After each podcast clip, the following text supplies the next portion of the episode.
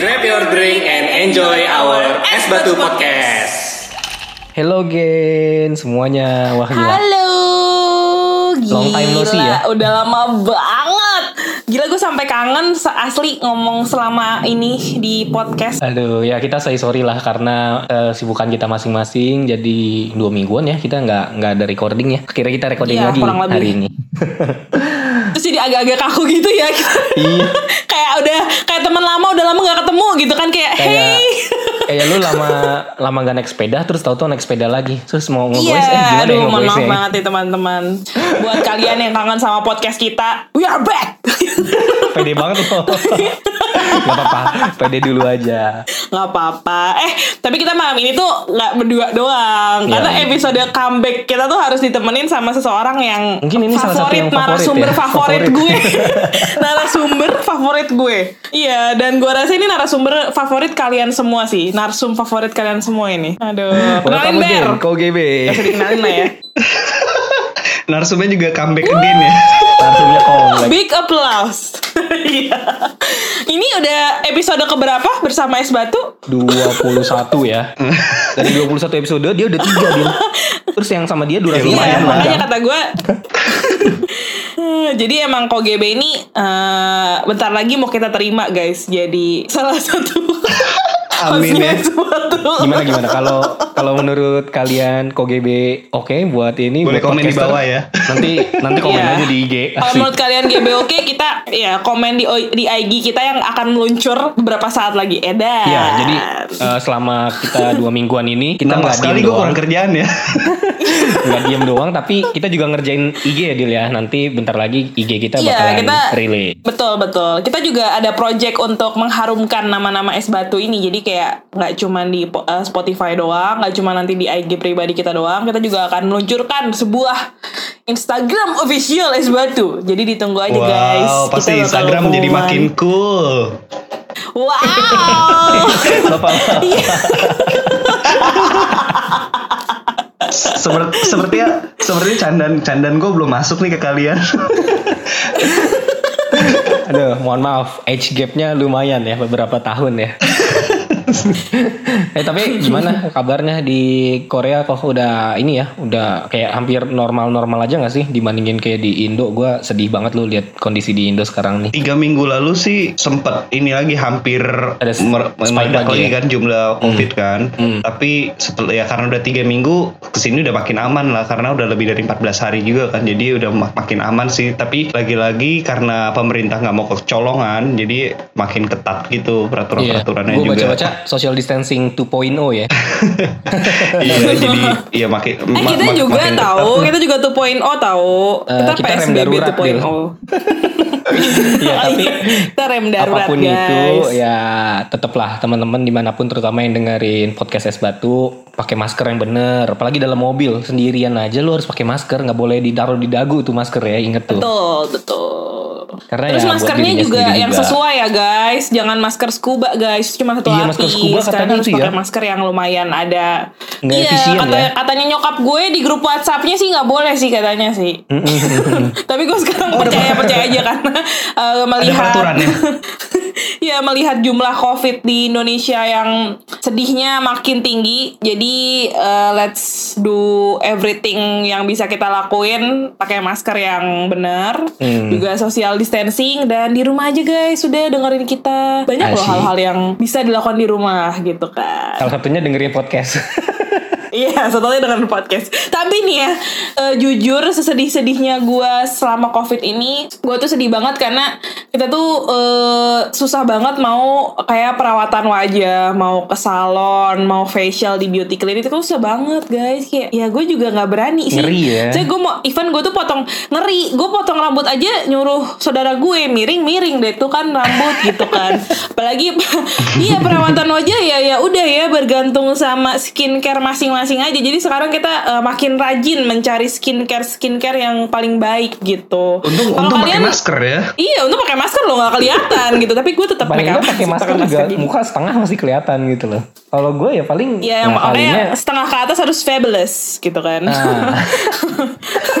Tapi kalau kalian eh, para lelaki kalian ini gak sih ngelakuin gitu juga gak sih kayak skincare gitu Oh, perawatan kalau gue wajah kan udah gitu, pengakuan sih? kan di episode yang skincare waktu itu sama Natasha kan. Nah kalau KGB gue nggak tahu nih Oh, dia iya. skincare apa enggak. Dia kan mukanya shining, shimmering, splendid gitu kan. Iya gila dia mukanya lebih mulus daripada muka gue Gue gak ngerti sih Kayak gue sebagai cewek insecure Jujur ya Jangankan lu di istrinya aja pernah cerita ke gue kalau mukanya GB lebih mulus daripada muka istrinya. Kalian Wow. kalian ngadi-ngadi ya, kalian ngadi-ngadi itu namanya. Itulah Jadi apa sih kunci perawatan kamu kak Boleh gak di share gitu gue cuma pakai handphone khusus kok. Gue kira lu mau bilang cuma pakai air wudhu Mau gue tabok sih tadi Kalau lu jawab gitu itu Enggak banyak lah. ya yang gitu-gitu di di Twitter tuh Iya. terutama gara-gara Iya komen-komen Oh kalian gitu kan. kinclong banget gitu kan Glowing banget Iya cuma pakai air wudhu hmm, Air wudhu pakai apa lu Bacot nggak mungkin. Ya wudhunya pakai SK2 gue rasa sih ya Kali wudhu 2 juta, 2 juta gitu ya. Iya Lagian gue kan cowok ngapain pakai skincare skincare segala Nah. repot. Eh gak boleh gitu tahu Nggak Skincare itu sih. Universal Emang cowok gak boleh pakai skincare? Ya masalahnya sih bu- bukan boleh nggak boleh. Kalau boleh mah boleh aja kan. Tapi permasalahannya ribet. Kalau gue sih ribet ya pakai macem-macem gitu gitu kan. Paling gue kalau pakai itu kalau lagi musim dingin atau kelembaban udaranya lagi rendah banget jadi kan kering kan. Nah baru Jadi deh itu pakai pakai. Oh, nggak lotion kalau enggak pakai. kalau enggak menghalangi senyum gue gitu kan. Daripada kering. Lo senyum lo senyum robek gitu. Pas kering keretak gitu. Ada suara senyum. keretaknya guys Gue Begitu juga pernah ngerasain darah gitu ya. Kayak Joker Serem gitu ya, serem gila. juga. Eh tapi, lo tapi emang kenapa sih? Kenapa kenapa? Oh iya, gue waktu awal awal-awal masuk kerja itu kan mas eh, musim gugur tuh. Terus entah kenapa Pak Bos itu tuh ngeliatin bibir gue kan sampai selesai meeting Bibir lu seksi nggak ngerti. Mungkin saking seksinya sampai merekah gitu. Udah kayak bibir lu emang kayak Kylie Jenner gitu apa gimana? Enggak. eh, kalau Kylie Jenner kan licin mungkin ya. Kalau gue kan udah kayak bunga mawar melekah sampai Oh, ada berkelopak-kelopak ada gitu. Ada ada Ada berkelopaknya gitu, gitu. gitu kelopaknya ya. Mohon maaf mu pakai lip balm apa lip balm? nah, nah maksud gue eh, keringnya mungkin saat itu belum terlalu parah gitu kan. Jadi gue Hmm. belum pikir untuk pakai lip balm gitu kan. Males juga kan gue. Karena kayak berat gitu loh pakai lip balm tuh kayak mau ngomong terus mau minum pakai gelas tuh kayak lengket gitu. Jadi nggak enak nggak nyaman buat gue gitu kan. Itu lu salah mirip lip balm aja itu. Nah iya, gue gua gua masalah nggak pernah survei kan. Pakai-pakai kayak gitu-gituan tuh juga selain ada rasa ketidakbiasaan gitu, yang nggak biasanya lagi adalah kalau orang lain ngelihat lu lagi pakai lip balm atau lagi lihat pakai skincarean, lotion gitu-gitu, nyinyir gak sih orang-orang tuh anjrit kalau terutama Oh, cowok apalagi ya. di Indo. Makanya kalau Ya, gua ingat, ingat kan sa- ke mana sa- salah gitu satu kan. salah satu politikus kita kan pakai lip balm nggak inget gak? Oh, Diomongin Siapa sih? kan. Gue gak tahu, sumpah. eh, Bapak Sandiaga Uno waktu itu pakai lip balm. Ih, tapi aneh banget. Oh, eh tapi lip balm itu tuh maksud gue itu tuh universal dan I mean yang punya namanya judulnya skincare ya. Mohon maaf yang punya skin kan nggak punya nggak cuman cewek doang nih. Cowok juga punya skin, jadi harus di care. Namanya skincare loh judulnya guys, bukan Iya. bukan woman care loh judulnya. Jadi menurut gue nggak apa-apa gitu loh. Cowok pakai aja, apalagi lip balm, moisturizer, sunblock itu penting banget buat kalian. Kan tuh jangan eh, emang standarnya tuh jangan di ah gitulah gimana ya? Maksud gue kayak Cuman ya yang gak itu ngenakin kan itu Ju, harusnya tadi, bisa dinikmati sama semua orang gitu loh. yang gak ngenakin gitu nyinyiran orangnya. Ya, jadinya itu. kalau gue solusinya ya ya gue pakai pakaian itu. Cuman kalau emang orang itu nggak kenal kenal banget sama gue ya dia nggak bakal tahu kalau gue pakai skincare gitu gitu dan nggak perlu tahu Iya, juga iya. sih orang itu gue pakai apa enggak Ya, Tapi gue sebenarnya justru pengen mengkampanyekan kalau cowok tuh harus pakai skincare juga loh. Gue selalu Kok lo kok, kok lo emang lo emang mengkampanyekan sih? ya karena gini menurut gue cowok tuh dirugikan dengan standar-standar yang istilahnya eh, apa sih namanya malah merugikan mereka sendiri gitu loh kayak cowok tuh nggak nggak harus pakai skincare deh genit banget tuh pakai skincare. Padahal kan Gedenya tadi mau gue bilang ya apa? skincare judulnya skincare bukan woman care gitu. Iya gedenya mau jadi apa ya mau jadi apa terserah mereka gitu loh. Tapi maksud gue skincare tuh bukan suatu hal yang cuman buat cewek doang. Itu tuh sebuah pemikiran yang aneh sih menurut gue. Kalau cowok lo sendiri make gak Nat? Eh, gue encourage untuk make. Karena eh, maksud gue gue nggak mau kalau dia kulitnya kering juga atau misalnya jerawat Malu ya kayak kalau gitu. ya? nggak nggak malu sih anjir. Tapi maksud Ya, gue ini demi demi demi demi demi, kebaikan apa ya maksud juga. gue demi kebaikan dia juga bener. Maksud gue at least dia pakai moisturizer buat melembabkan kulit karena kulit yang kering yang bariernya hilang itu tuh eh, gampang terkena penyakit selain jerawat loh. Maksud gue kayak Iya sih. bisa cancer karena lu nggak pernah pakai sunblock karena nggak pernah pakai moisturizer juga nggak pernah melembabkan muka lu. Parah gitu loh. Maksud gue jangan sampai nih cowok-cowok di dunia ini terkena cancer karena nggak mau pakai sunblock karena mereka ngerasa sunblock itu cuma buat cewek. Itu nggak banget guys sumpah At least kalau lo kalau lo lagi gandengan nggak set nggak kebeset gitu kan saking kasarnya. nggak gitu sih anjir lo jangan gitu dong nanti cowok gue dengerin nih jangan gitu dong tapi Ya tapi gue jujur ya gue gue gue mengencourage cowok gue untuk pakai kayak toner essence dan maksud gue at least sunblock moisturizer itu harus pakai karena eh, maksudnya eh, apalagi lo kerjanya di lapangan gitu kan kalau lo kerjanya di lapangan kan lo otomatis terkena sinar matahari terus dan sinar matahari itu jahat guys jadi kalian harus memakai berbagai macam perlindungan itu gak cuma cewek doang iya Jangan di kan kantor lapangan. juga yang di kantor gitu. aja Betul. kena blow dari AC kena angin dari AC mulu tuh juga nggak sehat Betul, jadi kering.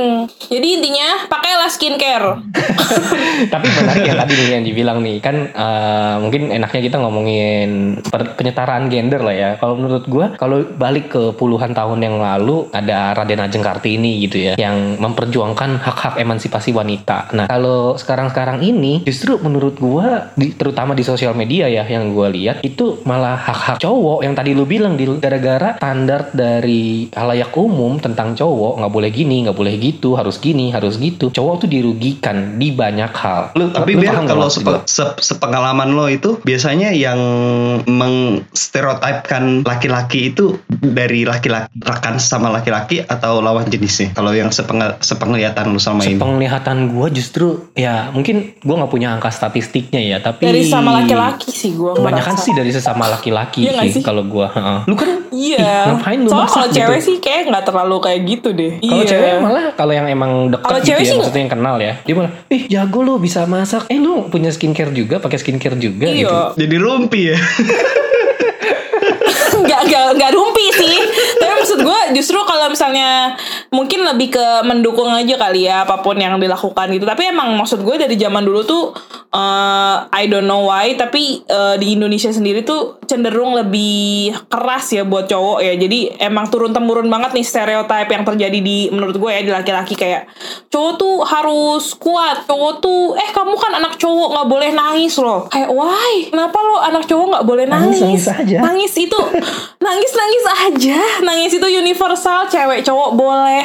Dan itulah menurut gue kenapa banyak cowok-cowok tuh yang jadi emotionally unavailable. Dan kalian jangan menyalahkan kenapa cowok-cowok itu nggak peka guys karena itu sudah dididik dari zaman dulu ketika mereka sedih mereka nggak boleh ngerasain soalnya nggak boleh nangis gitu menurut gue sedih jadinya Ya, kalau ini sebenarnya ya mungkin gara-gara dari dulu di Indonesia atau mungkin di beberapa negara itu udah terbiasa sampai yang namanya sistem patriarki gitu. Seorang cowok Iya. harus menjadi seseorang yang a great leader gitu Kuat. kan, jadi panutan, kuat, tegar dan macem-macem gitu. Nggak seharusnya si cowok ini berdiri di dapur, di masak depan kompor atau berrias di pakai Iya. pakai skincare gitu-gitu. Eh, jadi kayak dulu mungkin kalau misalnya eh, zaman dulu kalau misalnya ada cowok yang atau suami yang masak tuh istrinya pasti kayak dibilangin ih nih istrinya nggak tahu diri banget masa cowoknya yang masak padahal ya kalau emang rasa masakan si cowoknya lebih enak ya mending suruh cowoknya aja masak guys nggak apa-apa Tapi gue bersyukur loh. Eh, maksudnya ya sebenarnya itu tergantung lingkungan di mana kita hidup ya. Hmm. Kalau gue sih dulu bersyukurnya karena memang suka masak kan dan orang tua gue kayak yang biasa ya? aja gitu. Mungkin ada, mu- iya bukan support juga sih karena masih kecil kan masa mensupport. Ayo kamu jadi tukang masak gitu kan. kamu gini mau jadi apa tukang nasi goreng ya, ya tapi tapi mereka suka malah men ya ya mensupport sih bilangnya eh, kayak wah justru banyak koki-koki terkenal banyak kan mana dari ya cowok gitu kan cowok juga banyak yang jadi koki terkenal gitu kan jadi nggak menutup kemungkinan untuk cowok itu ya untuk bisa masak gitu kemudian kayak bisa ngejahit penjahit juga banyak profesi cowok jadi penjahit gitu kan bahkan Justru gue desainer sering nemu penjahit gitu kan cowok loh. Di sini misalnya gue pengen kayak ngecilin celana atau apa, gue ketemunya cowok kadang-kadang. Nih bapak-bapak ngejahit. Taylor gitu ya Iya, oh, Taylor Taylor gitu. tapi kalau di luar negeri jadi penyanyi tahu Masa? Kok bisa? iya Kok bisa penyanyi Taylor Swift anjir? Kesel gue. Pulang aja deh kok. Gue kayak mikir dulu nih apa nih maksudnya nih. gue kayak mikir anjir ini serius gak sih? Oh enggak ternyata guys. Oh god. Oke, tolong Ini- dikasih tepuk karena tangan namanya dari habis karena, namanya Beneran karena namanya es desainer batu jadi gitu, jadi nggak class designer ada yang cowok gitu. Gue kan soalnya nggak tahu ya, nggak nggak berkecimpung di dunia itu. Gitu. Nggak taunya dia ngelawak. Makanya lu diem. gue tadi mikir, oh anjir gue ternyata terlalu tolol untuk lawakan ini. ini ini berhubung eh, podcast kalian namanya es batu ya jadi kalian nggak cair-cair nih bercandanya.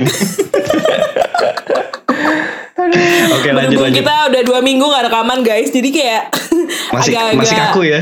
Icy, icy gitu. Beres gitu kita. Oke jadi sebenarnya menurut kalian itu eh Bentar, bentar. Dia balik lagi. Take over, Jadi dia nggak? yang nanya Ber. Tolong. Oh ya sorry sorry Gak apa-apa.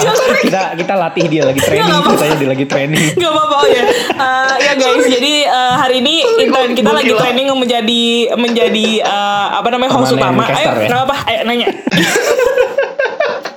ini gue lagi ini nih masa percobaan ya Kita semua lagi Bang?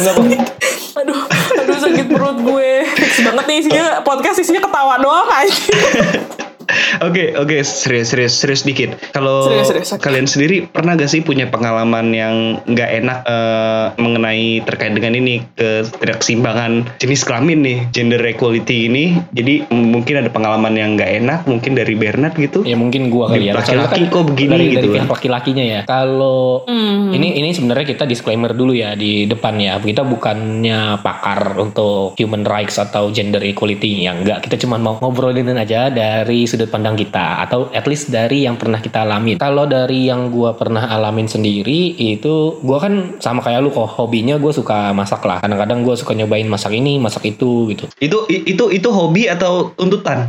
Hobi, hobi. Dulunya dulunya tuntutan. Oh, hobi. Dulunya tuntutan. Mungkin Bukan menjadi hobi enaknya emang enaknya gue gue throwback dulu gitu ya. Dulu waktu gue zaman SD ya gue lupa kelas berapa. Cuman waktu itu keluarga gue satu keluarga satu rumah itu sakit cacar semua. Kecuali gue even emak gue terus kan kayak kalau lu sakit cacar kalau lu masak kan ya agak nggak ngenakin gitu. nah gue SD itu udah disuruh masak sama nyokap gue bikin sayur asem sama sambel sama ayam goreng waktu itu. Tapi didiktein gitu sama nyokap gue ini ini ini gini gini gini gini gini. Gini. nah itu sehari hari itu gue yang masak. Masak sayur asem masak ayam goreng dan gue nyambel gitu. Buat sekeluarga itu tuntutannya waktu zaman dulu. Makanya ke sini ke sini kayaknya gue tangan gue lumayan deh lumayan bisa masak gitu. Terus lo menemukan Jadi- passion lo gitu kan? Akhirnya lo menyadari menatap menatap tangan lo ya.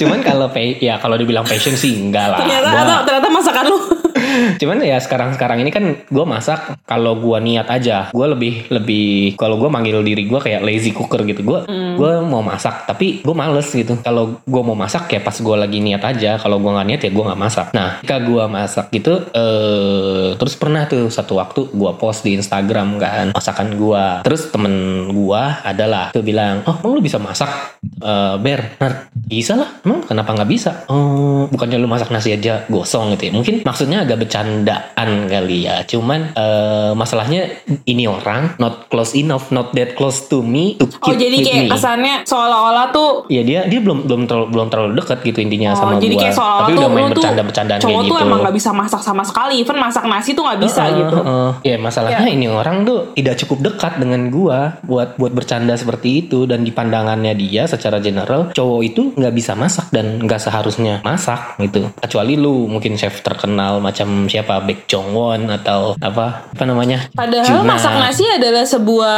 basic survival loh. Masak nasi tuh lu basic Anak kosan survival ya. banget anjir. Masa masak nasi aja nggak bisa tuh pertanyaan menurut gue. Justru yang kasihan tuh temen lu. Ya sangat hidupnya seumur umur kagak pernah masak nasi tuh lebih menyedihkan, Ber. Eh tapi tapi kan kita nggak tahu Nat, siapa tahu dia masaknya pakai dangdang kan? Oh iya iya bisa. Mm-mm. itu lebih susah dong Enggak gimana sih. sih? Waktu itu Itu waktu lebih itu gue masaknya gimana bukan sih, masak nasi doang gitu. Cuman dia bercandainnya masak nasi gitu. Ya mungkin kalau gue Iya. lihat eh, dari latar belakangnya dia datang dari keluarga dan pergaulan yang seperti itu gitu loh. Memang dari apa ya? Dari pergaulannya social life-nya dia lah yang yang ngebentuk pemikirannya dia seperti itu. Tapi kan itu kan yang meremehkan gitu ya. Hmm. Pernah gak? Pernah gak ngalamin kayak yang Wih Bernard bisa masak lo gini Tapi seakan-akan tuh kayak memposisikan Lo tuh cowok tapi lo hebat bisa masak gitu Ngenyek apa bener komplimen gitu? Enggak se- Enggak, jadi kayak- Beneran Kayak komplimen tapi gitu loh. Uh-uh. Iya. Ah, ya ada juga karena posisi aja. karena Padahal lu tuh cowok, tapi masak lu tuh bisa kan masak. emang bare necessity ya. Gitu. Bare necessity lo tuh ya masak ya bisa lah harusnya gitu. At least masak apa, masak telur apa gimana gitu. Tapi kayak seakan-akan tuh kayak wow. Ya ada juga sih yang kayak gitu benar. Cuman ya kalau yang kayak gitu kan kita enak nerimanya ya. Kalau apa eh, bahkan beberapa minta kayak eh, coba deh lu buka PO gitu kan. Gue masak apa misalkan rice bowl apa gitu kan. Ya udah dia bilang dia bilang minta PO. Kalau gue lagi niat gue buka PO gitu kan. Beberapa syukurnya dia beli terus responnya ya bagus juga. Ada yang kayak gitu ada. Tapi tetap balik lagi gak sih kalau masa kita ngomongin stereotyping ya itu kayak ya sebenarnya sama juga kayak stereotyping kayak model dia menganggap dia melihat lo cowok Hmm. terus lo bisa masak wah hebat gitu itu bagian dari meskipun positif ya tapi itu Hmm. tetap stereotyping gak sih menurut lo? Ya ya ya Ya, ya. iya, agree, another gua way ya. Paham gua betul. Iya, ka- pad- padahal kan semestinya kan ya lo mau cewek mau cowok bisa masak ya udah gitu kan skill nggak dilihat dari jenis kelamin lo gitu kan. Mhm. Iya benar-benar benar. Kalau lo Nat gimana? Kalau gue, kalau gue di take over gitu. kalau gue, kalau gue, gue pernah lihat di dua-duanya justru. Jadi karena adik gue kan cowok-cowok ya, terus eh, gue cewek sendiri di keluarga juga. Eh, gue menurut gue eh, stereotip stereotip itu pernah dialamin oleh eh, buat cewek, eh, buat gue sebagai cewek dan buat gue melihat gue eh, apa sih adik-adik gue digituin gitu loh. Cowok. Jadi kalau gue sebagai ya sebagai cowok gitu. Kalau sebagai cewek ya biasa lah cewek kan terlalu banyak stereotip apalagi di Indonesia gitu kan. Kalau apa sih namanya kalian sering ditanya hmm, eh, apa sih namanya yang paling sering ditanya nih ke perempuan-perempuan ini? Itu paling ditanya lu udah kuliah? Lu udah umur segini? Udah kerja nih? Apa ya pertanyaan selanjutnya? kapan nikah Kapan bos? nikah? gitu kan. Kapan nikah bos? Gitu. Gue disclaimer dulu nih again. Gue nggak masalah lu nanya begitu. Kapan mau nikah kapan mau apa ya. Mungkin anda peduli dengan saya mungkin anda juga ingin mengumpulkan pundi-pundi uang ketika saya ingin menikah gitu kan ya. Tapi gue agak eh, sedih dengan stereotype after that. Jadi after gue jawab. Misal gue tanya kapan nikah? Oh eh, kayaknya belum dalam waktu dekat sih. Gue masih mau fokus karir gue dulu. Ada beberapa orang yang langsung menjawab kayak wah lu kan cewek cuy. Masa lu mau fokus nikah sih? Lu tuh harusnya fokus membentuk keluarga gitu. Lu cewek jangan kelamaan lu. Nanti eh, apa sih namanya? Udahlah jangan kebanyakan pilah-pilih gitu kan. Udahlah lu nggak langsung nikah aja. Nikah tuh jangan ditunda-tunda gitu. Ya. Gue mau jawab tapi mau yang halus tuh gimana ya? Gue kayak Sulit pengen ya, berkata kasar gitu. ya. Gitu. Iya sulit gitu. kayak gue gue kayak pengen bip gitu kan. Maksud gue gini despite of all our gender ya ketika lu pengen menikah ya nikah saja gitu loh. Nggak harus cewek harus nikah lebih cepat nggak harus cowok harus nikah lebih lama gitu loh. Kalau lu emang pada saatnya itu pada saat itu lu pengen nikah ya nikah aja gitu. Tapi kan nggak semua orang eh, harus menikah pada umur segitu. Maksud gue kenapa kita harus mem- memput standar oh cewek tuh kalau udah di atas 25 kalau belum nikah nikah juga bahaya nikah. nih bakal jadi iya atau di atas 30 nih belum nikah nikah juga bahaya nih gitu wah parah lu pasti nggak bakal nikah lu kayak gitu atau lu terlalu fokus sih sama karir and what's wrong with that gitu loh kalau kita emang pengen fokus sama karir dulu gitu Oke oke oke. Kita balik lagi masalah stereo- stereotyping ya. Kita dari dari kecil deh. Gue pengen tahu nih. Kalian tuh dari kecil pernah gak sih ngalamin secara nggak langsung atau bahkan secara nggak sadar dan tapi akar, akhirnya sekarang menyadari kalau sebenarnya orang tua kita tuh melakukan mengajari kita gak sih dalam tanda kutip mengenai labelan atau pemberian Iya. eh, le- le- label ke kita gitu terhadap sesuatu hal gitu. Contoh nih misalnya Nadila kan pu- kebetulan punya dua adik ya, cowok Iya. kan. Nah, pernah gak sih eh, karena adik lo cowok gitu kan, terus di- kalau melakukan apa-apa nih misalnya lagi lagi angkut lemari nih bareng-bareng gitu kan. Terus cowok Yang dipa- yang, yang dipanggil tuh anak cowok doang gitu. Sementara lo udah kamu leha-leha aja di kasur gitu nggak leha-leha tiduran juga gitu sih. kan. Enggak sih kalau atau atau atau enggak atau enggak atau enggak bantuin mama kamu Ban- tuan putri iya, aja gitu mama. ya. Kalau gue cenderung kebalik sih coy. Kayak misalnya lebih ke kerjaan dapur. Eh kamu cuci piring, kamu kan cewek. Sana cuci piring gitu. Kalau gue Hmm, justru hmm. kebalik. Kalau yang cowok-cowok tuh adik-adik gue tuh lebih seringnya diginiin. Eh, eh kamu kan laki-laki, kamu nggak boleh nangis. Jadi misalnya lagi jatuh terus nangis atau lagi berantem terus nangis. Kamu laki-laki, kamu nggak boleh nangis. Itu yang selalu gue permasalahkan sih sampai sekarang kayak. Padahal nangis itu natural ya. Iya, Mhm. nangis itu nangis itu sebuah ekspresi perasaan lu gitu loh. Ketika lu nggak bisa mengekspresikan perasaan lu tuh jadi sebuah penyakit loh menurut gue, penyakit kita mental baru dan itu maksud aja gue. nangis. Mm-mm, iya maksud gue. lo percaya gak orang or- orang tua orang tua lo bilang begitu jangan-jangan karena dia nggak punya kata-kata lain untuk menghibur untuk untuk memberhentikan tangis gitu kan tapi justru just- justru jadi ter- terekam ya Iya betul. Mereka juga pertama kali jadi orang tua kan. Maksudnya ini bukan kedua kalinya mereka jadi orang tua gitu loh. Maksudnya mereka pertama kali jadi orang tua dan ya lu juga lah kok sebagai orang tua gitu. Ketika lu menghadapi anak lu kan lu baru pertama kali melakukannya gitu kan. Ya apa aja yang ada di pikiran lu ya itu yang akan lu lakuin gitu. Dan gue percaya orang tua gue juga kayak gitu. Mereka baru pertama kali punya anak cewek. Oke gue harus apa ini anak cewek gitu. Oh mereka baru pertama kali punya anak cowok. Oke gue harus apa ini anak cowok. Dan yang bisa mereka lakukan adalah mencontoh orang tua mereka karena mereka nggak pernah ngelakuin ya nggak Turun temurun.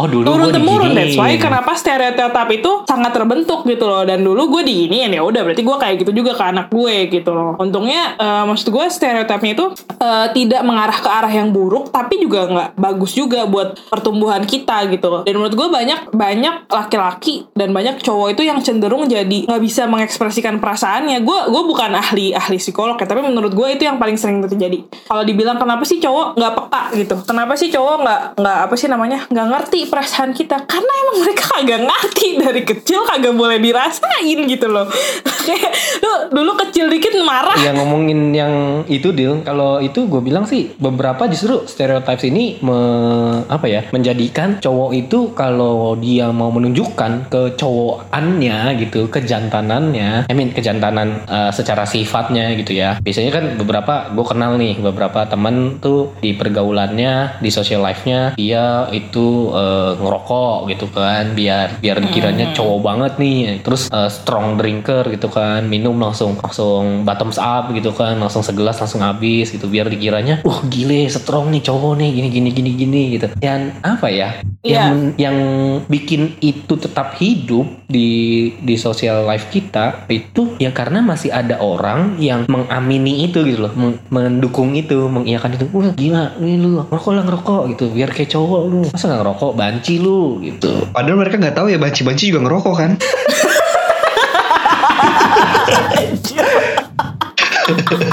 Gila tongkrongan lu sih sampai tahu ya banci banci rokoknya apa kok? Kalau rokok banci apa banci rokoknya mentol ya. tergantung cuy lagi di rumah apa lagi kerja Eh, kalau lagi di tempat kerja eh, rokoknya yang tipis-tipis Rokok mentol putih lah. gitu ya. iya Kalau di rumah Mm, yang, kretek gitu ya. yang slim Serem juga. tapi emang emang emang iya sih well well noted lah maksudnya eh, kenapa sih eh, cowok tuh jadi cenderungnya cara ekspresi itu jadi cenderung ke arah yang negatif nggak sih? Maksud gue kayak Iya. ngerokok Di- orang. ya gue nggak bilang gitu-gitu. nggak bilang ngerokok negatif ya. Ya maksud gue ya ngerokok atau malah Negatif jadi lah, cenderung Nak. negatif sih tapi ke arah yang lebih negatif lagi gitu. Misalnya kayak minum apa apa gitu loh ya kayak ah lu cowok lah minum aja gitu. Udahlah gitu kan. Emang karena karena menurut gue terbentuknya ya again ya karena itu awalnya tuh secara emosi lu tuh dididik untuk tidak merasakannya gitu. Jadi pas lu sedih atau pas lu marah lu harus disuruh tenang disuruh diem. Padahal lu bisa ngebayangin gak sih pas lu lagi sedih dan lu lagi marah tuh lu nggak bisa mengatur perasaan lu ya kan? Lo harus channeling ke Iya ses- sih. sesuatu yang lain gitu Iya. gak sih? Enggak, sebenarnya itu kita merasakan Nat. Kita tuh merasakan kita tuh peka nih ya. Tadi ngebahas masalah cowok tuh jadi nggak peka. Sebenarnya sebenarnya ya, ya gue nggak tahu semuanya cowok tapi kalau dari sisi gue dan beberapa orang yang gue kenal cowok itu sebenarnya tuh peka. Tapi karena dalam tanda kutip gengsinya itu ada barrier jadinya. Mereka untuk menutupi itu gitu loh. Iya, iya Ibaratnya, maksudnya jadi karena selalu terngiang-ngiang kan karena lo cowok tuh nggak boleh cengeng gitu kan. Cowok tuh nggak boleh nangis atau cowok tuh nggak boleh gini nggak boleh gitu. Jadinya mereka selalu ada kayak ya udah deh nggak jadi deh. Tapi mereka ya mungkin mereka tahu apa yang mereka rasain. Deh soalnya lu tau gak sih kenapa di rumah sakit jiwa itu lebih banyak cowok dibandingin cewek? Ya karena itu tadi kan yang lu bilang kan. karena Gua- gua- itu gua- gua belum pernah karena masuk, Nat.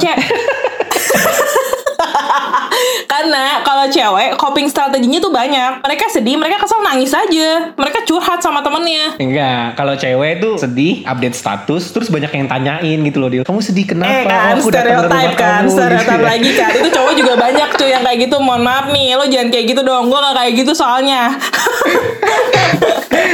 kalau gue sih kalau kalau gue sih kalau nangis mah di bawah hujan biar nggak ketahuan lagi nangis Oh, Biar gak kelihatan. Kalau gue sambil sambil berenang kok. Basah kan? Oh iya benar juga sih, setuju gue. Ya tapi anyway gitu karena karena maksudnya ternyata si cowok-cowok ini banyak tidak menemukan coping strategi mereka ketika mereka lagi merasakan anger atau sad gitu.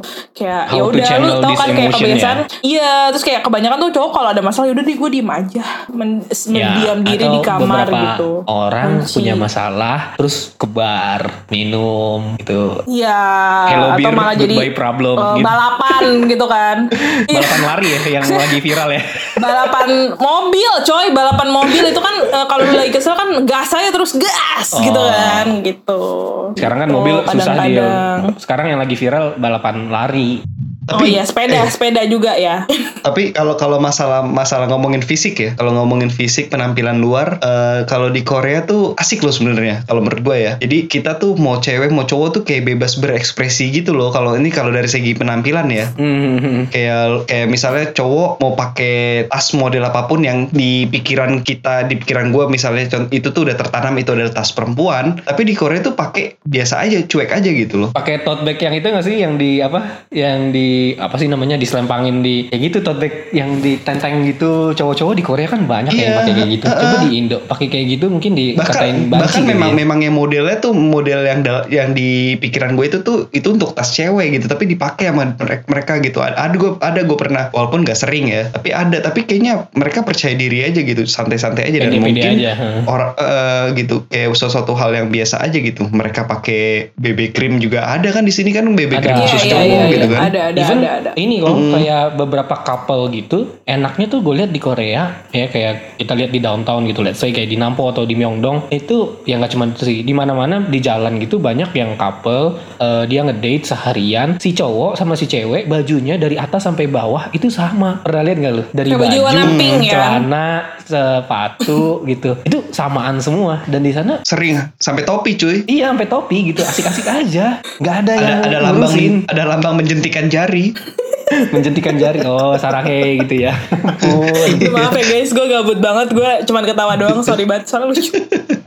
Nggak apa-apa. Lo kan tadi udah udah udah mengeluarkan banyak cerita kan. Itu lumayan lah. Jari. asli. Udah ada kontribusi lah lumayan. Jadi sekarang kita perhitungan ya. Lo udah berapa pertanyaan eh tapi gue mau tanya sih dia maaf ya, guys. Eh, lu nih Malam ini kan ini di, ya, di, kenapa lagi? di sini kan yang cewek lu doang nih kalau pan- pandangan Hmm. lu terhadap cowok-cowok yang eh balik lagi kayak yang tadi cowok yang bisa masak tapi nggak ngerokok cowok yang skincarean cowok Hmm. yang nggak tahu bola nggak tahu tuh Rooney itu main di Hmm. klub bola mana Cristiano Ronaldo main di klub bola mana dia nggak tahu buta sama sekali sama bola terus Hmm. olahraga olahraga lainnya juga dia nggak tahu nggak main gitu ya hidupnya justru banyak kan melakukan hal-hal yang balik kayak tadi stereo, stereotypingnya lebih ngarah ke agak ke cewek-cewekan. Nah pandangan lu sebagai cewek gimana? ekstrimnya gini loh kalau lo ketemu temen atau siapa pun lah pokoknya cowok yang kulit kulit mukanya lebih putih daripada leher gitu gimana itu dia lo? minder kalau itu kalau jangan gitu dong Oh, itu jadi kulit- itu kulit keluar dari konteks yang ditanya Bena tadi gimana sih lu Enggak gue kira gue gitu kira dia maunya dia mau bilang kalau lu ketemu cowok yang kulitnya lebih mulus lebih putih daripada lu deal gitu. Gue makanya gue bilang ya kan kayak GB minder gitu. dong GB gue menurut kan gue nih pertanyaan gue yang yang kulit mukanya lebih putih daripada kulit lehernya Enggak, gue menganggap pertanyaan GB anomali. Enggak, enggak ada. gue gue nggak akan menjawab pertanyaan GB. Itu jahat ngerti guys. kan maksud gue Iya iya ngerti ngerti ngerti. Eh, menurut gue ya, menurut gue pribadi nih sebagai cewek, gue nggak tahu eh, kalau cewek-cewek yang lain gimana. Tapi menurut gue, selama si cowok itu jadi be him, be yourself atau be ya menjadi per- ya be himself gitu, itu menurut gue super seksi sih. Jadi kayak gue nggak harus, eh, menurut gue cowok tuh nggak harus tahu bola karena nggak semua orang suka bola juga guys. Siapa tahu dia sukanya bulu tangkis atau siapa tahu dia malah ngertinya eh, eh, apa namanya atlet renang gitu. Kan itu Hmm. lebih lebih apa ya lebih bagus menurut gue karena wawasannya lebih luas berarti kan. Dan Atau nggak tangannya gua, terampil meronce kan? Kita nggak tahu kan? Siapa tahu tangannya jago main congklak gitu kan. lo bisa gak lo bisa gak gue mau serius nih jawab tolong dong. Gue gue nih gue nih ngasih ngasih contoh yang ekstrim. Jadi gue pengen tahu respon lo tuh gimana. Kalau lo ketawa berarti jangan-jangan lu masalahnya tuh jadi pengen ketawa bukan gara-gara gue please please Nat. Jangan jangan cuma demi kebutuhan konten podcast lu jadi berubah. Jangan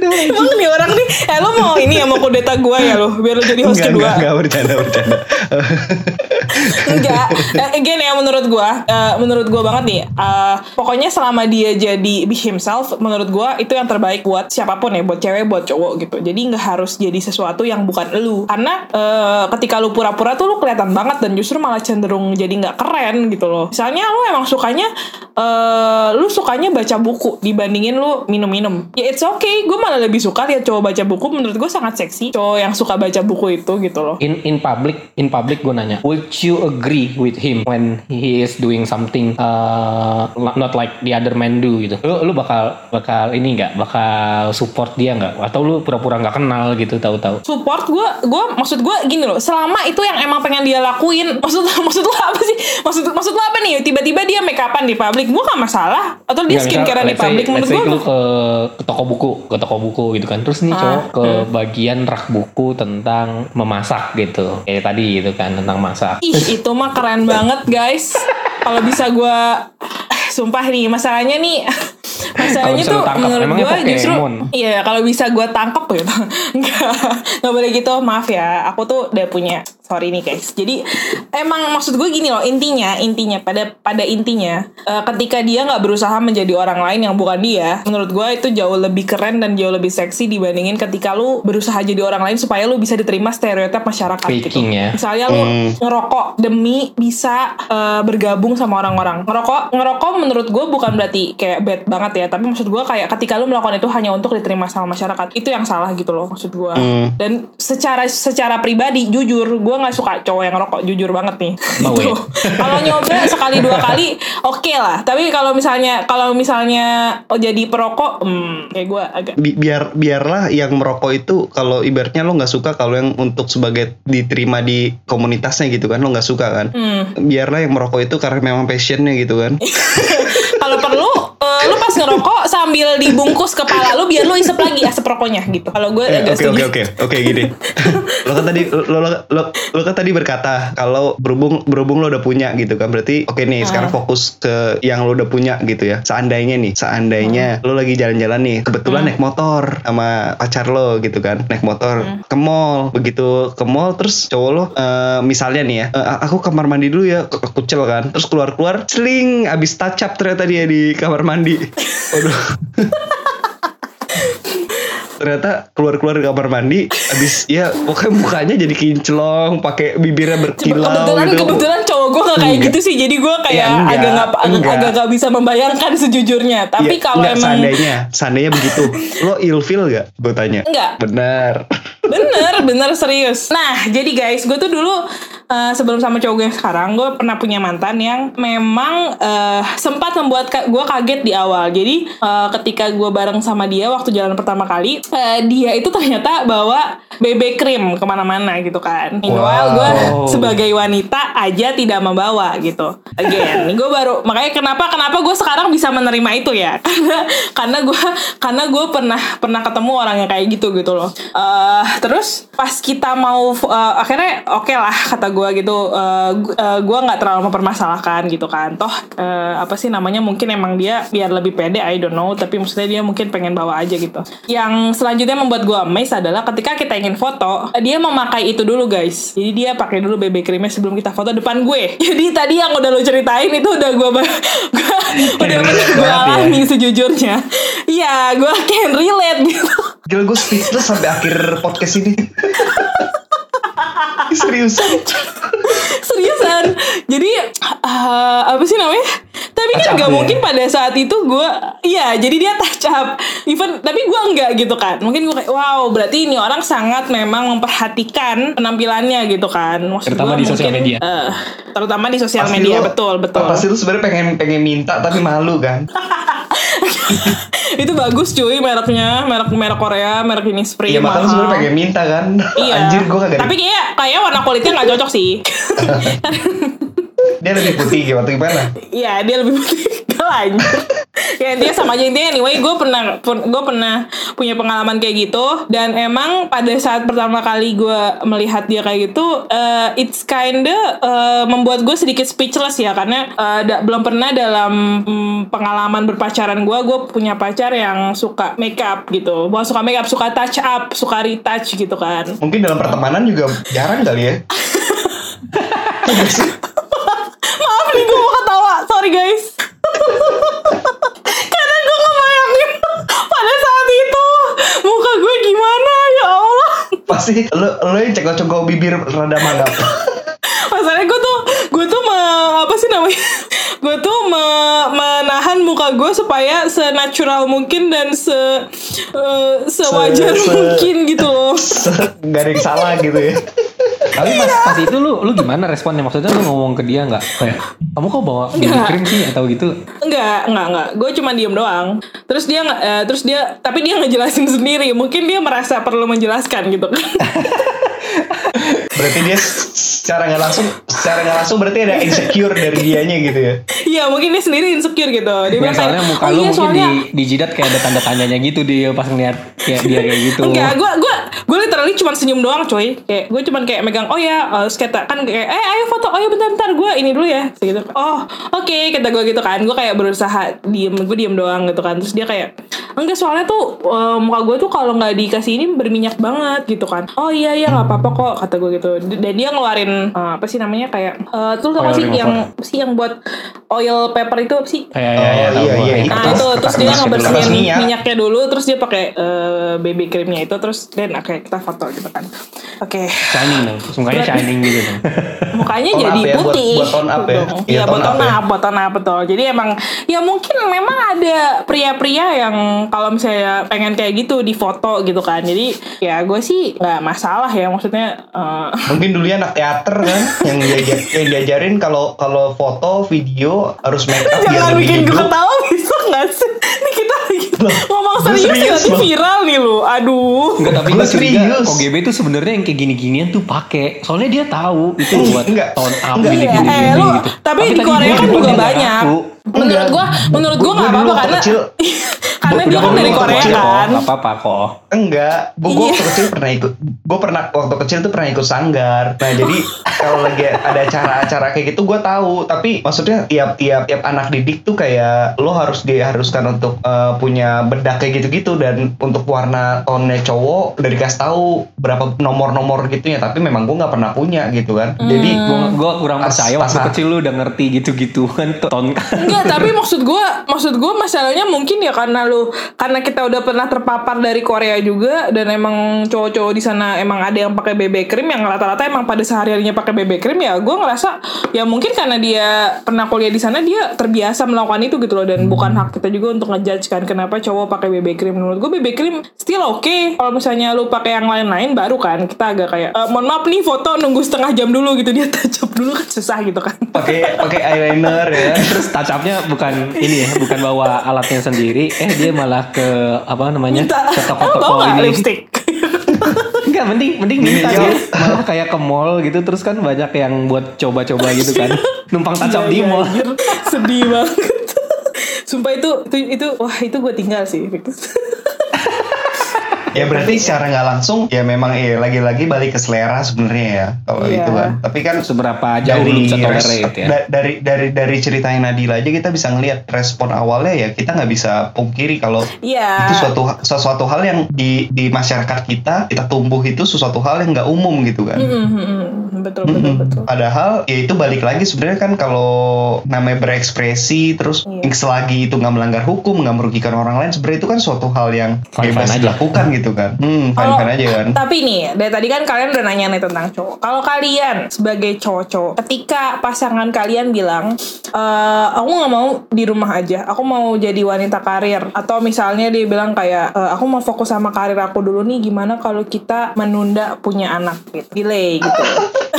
Nah, Kalian akan GB gimana? Dulu yang jawab. Kok GB dulu yang Iya. jawab. Kan udah udah experience. Kalau gua gua udah siap sih jawaban gua. kalau gue sih kalau aku aku mau jadi wanita karir ah dengan senang hati kamu cari duit aku di rumah. Lu yang di rumah ya. Emang kampret. Enggak. Tapi se- seriusan deh, gue mengerjakan pekerjaan rumah itu gue sangat enjoy gitu kan, memang nyaman gitu, Iya. seneng gitu. Dan emang maksudnya Nyapu, nggak ada salahnya juga sih jadi bapak gitu rumah ya. tangga, nggak harus jadi ibu rumah tangga kan? Makanya ketika misalnya bi- bilang aku mau berkarir, oh boleh boleh boleh silakan silakan. Iya juga ya. gua gua gua gak expect jawaban dia seperti ini. Ya, gue juga gak expect jawaban dia sih. Tadi gue kayak, wow, amazing. Bener-bener Oke. eksentrik aja. Oke, kalau gua sih, kalau gua sih, gua re, gua orangnya realistis aja ya. Apalagi di zaman sekarang gitu kan. Kalau eh, kalau pacar gua atau istri gua mau ini mau berkarir terus harus nunda apa kehamilan gitu-gitu, gua nggak masalah karena ya realistis aja cuy. Biaya bersalin melahirkan aja berapa duit, terus belum lagi KPR rumah, ya kan? Eh, biaya-biaya yang lainnya, tabungan lu buat investasi, tabungan lu buat jalan, tabungan buat bayar asuransi, macam-macam lah. Emang kalau memang ternyata dari guanya nggak nyukup, kalau emang ternyata dia bisa bantu, ya kenapa enggak gitu. Bahkan dalam beberapa kasus, eh, terutama di teman-teman gua gitu ya, gue tahu ada yang bahkan ceweknya itu gajinya lebih gede daripada cowoknya, padahal eh, Nah, seumuran mereka Itu gitu. pertanyaan selanjutnya. Ketika pasangan kalian punya gaji yang lebih besar daripada kalian sendiri, apakah ego kalian merasa tersungging gimana? Enggak lah, gue seneng. Malah seneng gua. Oh berarti gua bisa ke bondol tiap bulan. Oke. Anjir. Enggak, enggak. Ini, ini, ini permasalahannya adalah pod- pod- podcaster di es batu cowok-cowoknya ini sangat materialistis.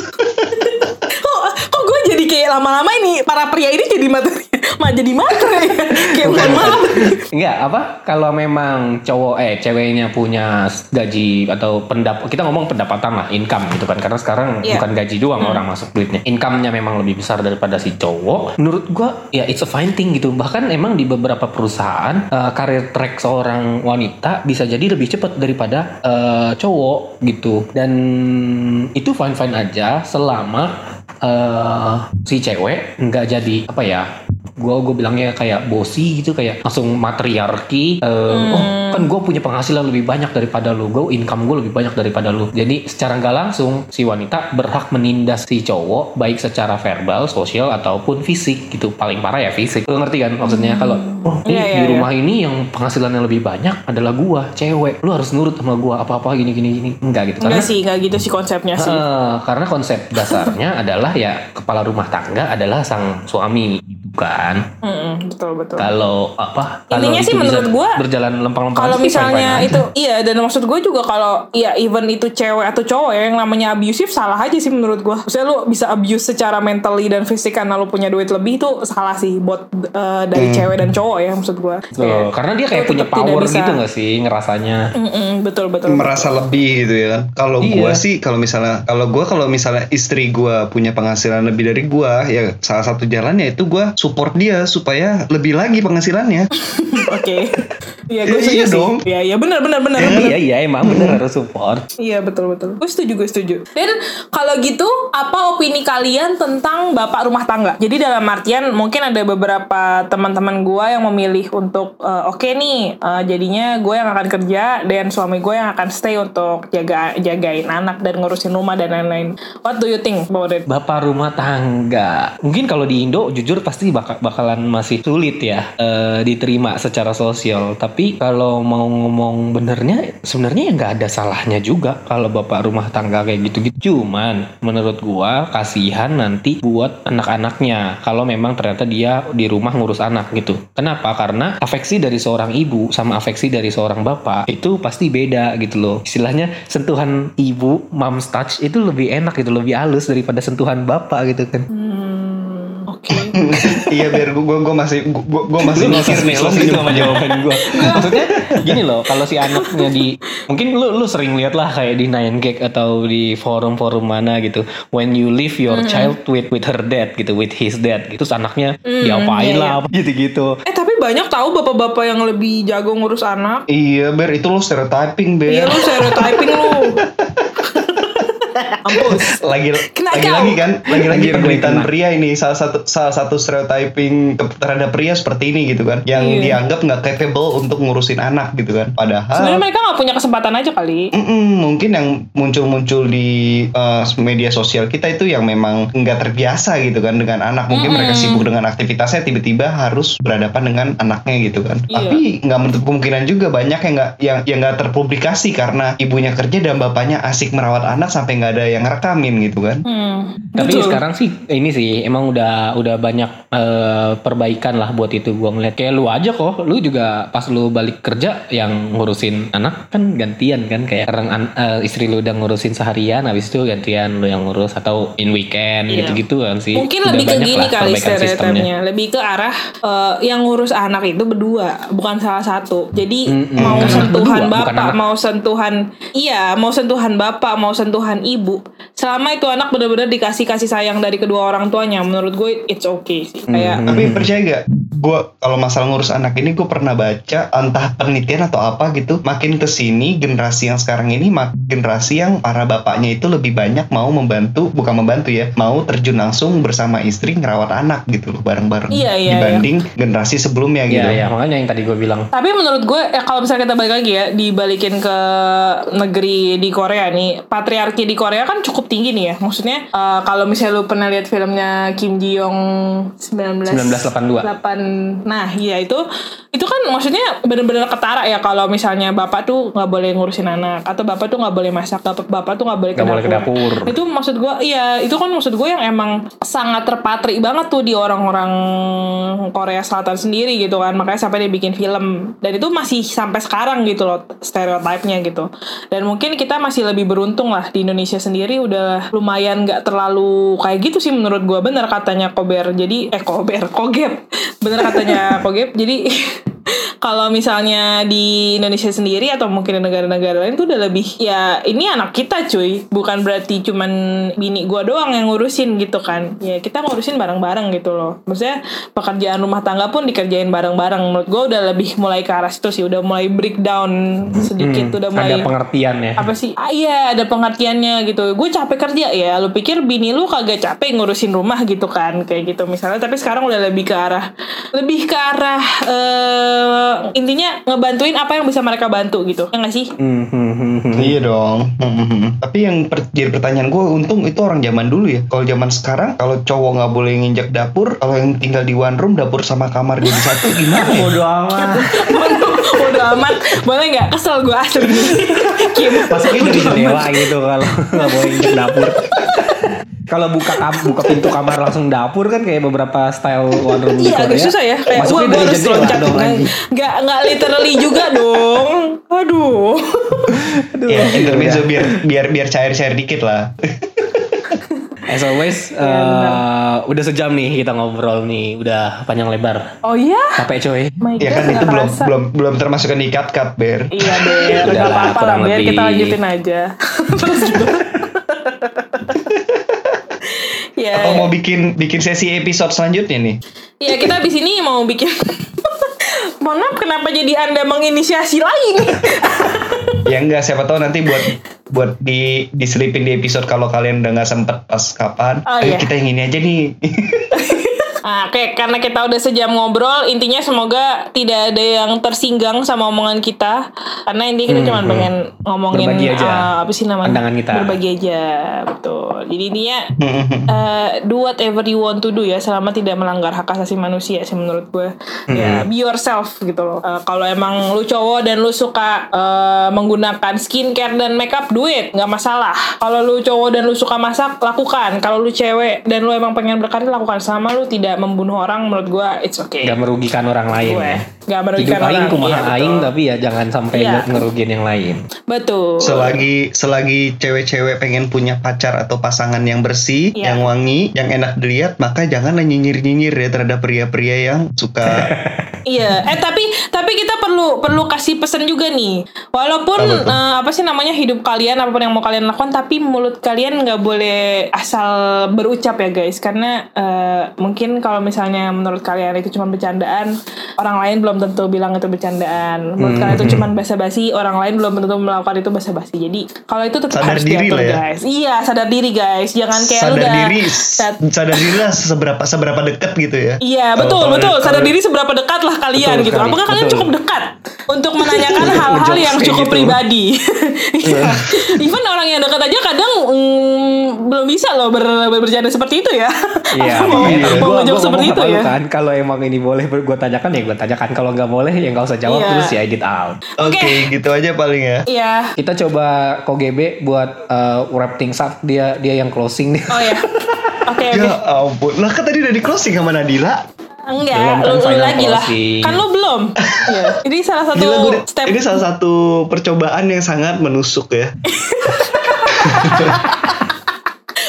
Nggak boleh closingnya sama kayak gua. Ayo bikin. Oke, jadi teman-teman, buat teman-teman semua tentunya kan kita pengen kalau dalam kehidupan sosial kita, dalam kehidupan masyarakat tentunya kita pengen punya komunikasi yang baik kan antar sesama manusia gitu ya. Sesama Oh. teman kita, sesama orang yang lebih tua, lebih muda. Kalau komunikasi teman-teman pengen berjalan dengan baik, tentunya teman-teman juga harus tahu ada hal-hal batasan-batasan yang teman-teman punya. Salah satunya itu teman-teman harus bisa mengontrol diri, mengendalikan diri supaya tidak melabelkan seseorang, stereotyping terhadap orang lain, stereotyping terhadap suatu kelompok, sehingga kita nggak punya pikiran-pikiran yang negatif yang padahal nggak nggak nggak semesti nggak nggak ada terhadap orang tersebut. Cuma jangan cuman karena stereotype yang udah pernah terbentuk sehingga menempel terhadap orang yang baru kita kenal sehingga kita jadi ya komunikasi dengan orang tersebut menjadi terhambat. Itu Wow. aja sih dari gua. Oke, Anda lulus. Anda lulus. Baik, Siap. gila gua keringetan. Oke guys, kayak ini bener-bener harus kita udah sudahin nih Ber. Ayo Ber, udahin Ber. Lu lu juga mau kasih closing? Enggak, dari kalian berdua udah lebih bagus lah daripada gua kata-kata gua gua takutnya gue bikin closing terus gue belepotan. Uh, thank you Nadila, thank you KGB, uh, such a great Thank you. conversation. Sampai ketemu lagi nih minggu depan, minggu depan lagi. Yeay. Bye bye. bye bye. See you again